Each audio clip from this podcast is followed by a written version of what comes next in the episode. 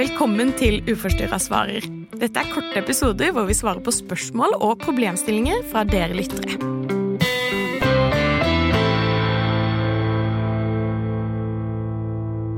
Vi har fått et spørsmål om hvordan man kan gå for å bevege seg bort fra kostliste og klokkeslett. Mm.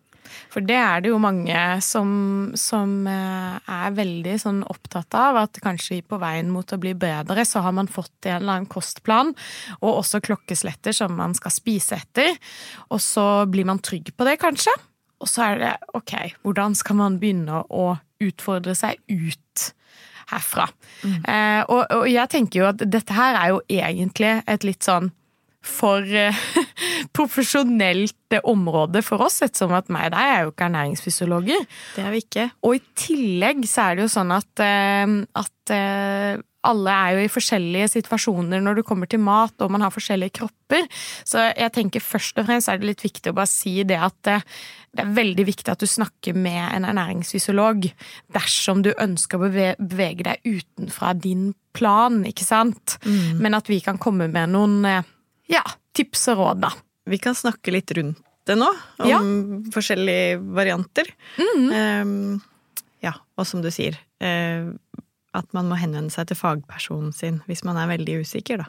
Ja, mm. fordi jeg, jeg, tenker jo at for veldig mange som vi snakker med, så er det veldig hensiktsmessig å ha en, eh, en kostplan. Eh, og noe av grunnen til det er jo ikke sant, at man er såpass forvirra rundt mat, kropp og vekt eh, at man trenger noe å bli trygg på. Så, og, og, veldig ofte så kan man jo da få det av en ernæringsfysiolog.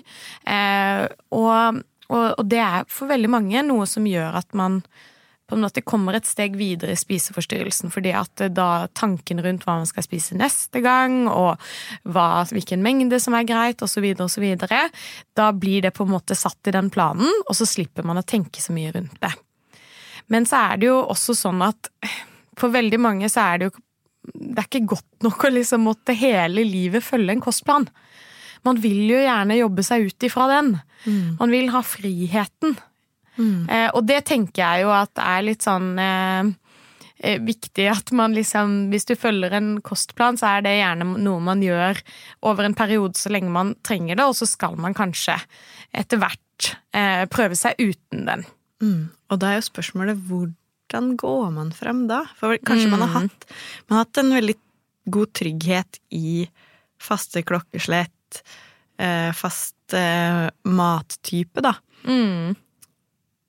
Og så skal man prøve Jeg begynner jo å tenke at eh, kanskje man skal ikke gå liksom fra det ene til det andre, men at man kan åpne litt. Man kan begynne med for eksempel frokost. Mm. Begynne med å ha litt mer åpen åpen Eller har litt mer åpning for å gjøre endringer der. Spise mm. forskjellige ting til frokost. Og så når det går fint, kan man gå over til lunsj. Og så har man At man kan ta det litt steg for steg, da. Mm. Eh, eller, og eller i forhold til hvis man har spist frokost klokka ni, så kan man i stedet for at det skal være 9.00, så kan man ha en tanke om at frokost skal skje mellom halv ni og halv ti, for eksempel. Mm. Um, ja, eh, jeg, jeg, tenker jo også at for veldig mange så vil det jo være fint å, å starte litt gradvis. Eh, fordi at man kanskje har en såpass stor trygghet, da. Mm. At man trenger å utfordre seg sakte, men sikkert. Og der kan du jo også få noen med på laget ditt. Eh, ikke sant, for eksempel. For noen så kan det være veldig vanskelig å tenke at oi, nå ble det liksom en kafétur mellom eh, frokost og lunsj. Ikke sant? Mm. Men da er det litt fint at man kanskje har avtalt det, da med en venninne. At da kommer det på en måte det måltidet som noe i tillegg. Mm. Og så vil det være en utfordring, men så vil det være noe som er satt litt i system. Mm. Fordi at man skal møte noen. Man har kanskje tenkt litt på forhånd hva man vil ha. Ok, jeg skal ha en caffè latte, og jeg skal ha en kanelbolle. Mm. Og så blir det den ultimate øvelsen da å eh, ha det her kafébesøket og ikke kompensere ved neste måltid. Mm. Men at man, man jobber med at nå er det lunsj neste. Ja. Eh, ikke droppe lunsjen fordi at man Ja. Mm, at, det ble litt med, det. at det ble det der kafébesøket, da. Ja. Det her er jo, nå er vi også inne i et landskap hvor vi må være litt forsiktige sånn at vi ikke snakker til spiseforstyrra tanker, eller liksom mm. Fordi at det det å snakke om kostlista og frigjørelse fra kostlista kan jo også være med å nære oppunder et Mm. og, altså overfokus på mat. Mm. Samtidig så er det noe med at man er bare der man er, og man må jo jobbe med de utfordringene man har. Ja, det er akkurat det. Og jeg tenker liksom noe av det viktigste, iallfall for meg å si her, er det at eh, det er veldig fint å få hjelp av en ernæringsfysiolog. Eh, Og da er det også veldig viktig at du er åpen med ernæringsfysiologen. Hvor er det du er nå? Hva er det du ønsker?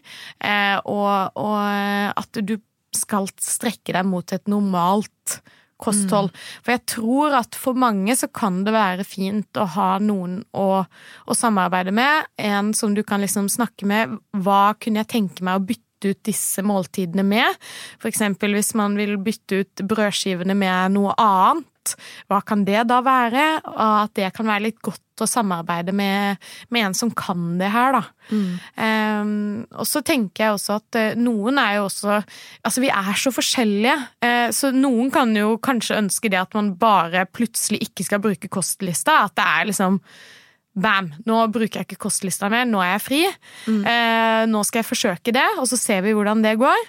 Eh, det tenker jeg også kan for noen være riktig. Vi vet ikke helt svaret, men jeg tenker uansett at det er veldig viktig at man snakker med noen. Eh, og spesielt da profesjonelle på, på området rundt mat, da. Eller at du er i samråd med fastlegen din. Og så begynte jeg å tenke på han godeste kollegaen vår, Stian, som har vært med i podkasten her før.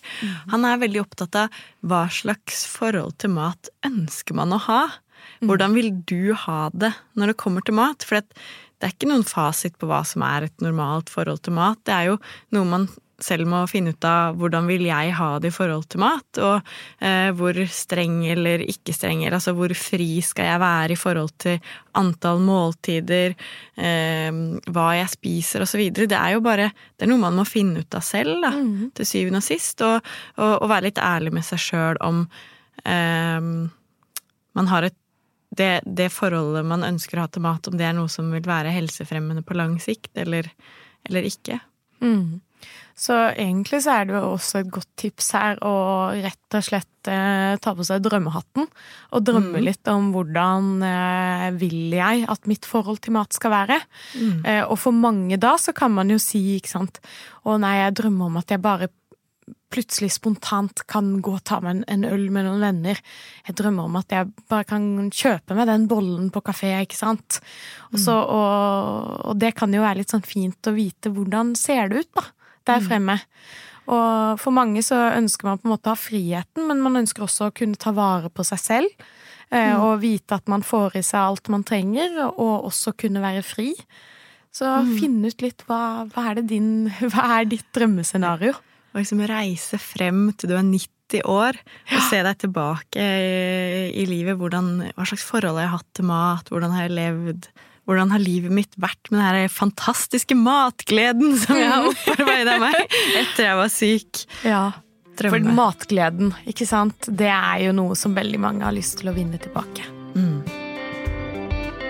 Takk for at du hørte på Uforstyrra svarer.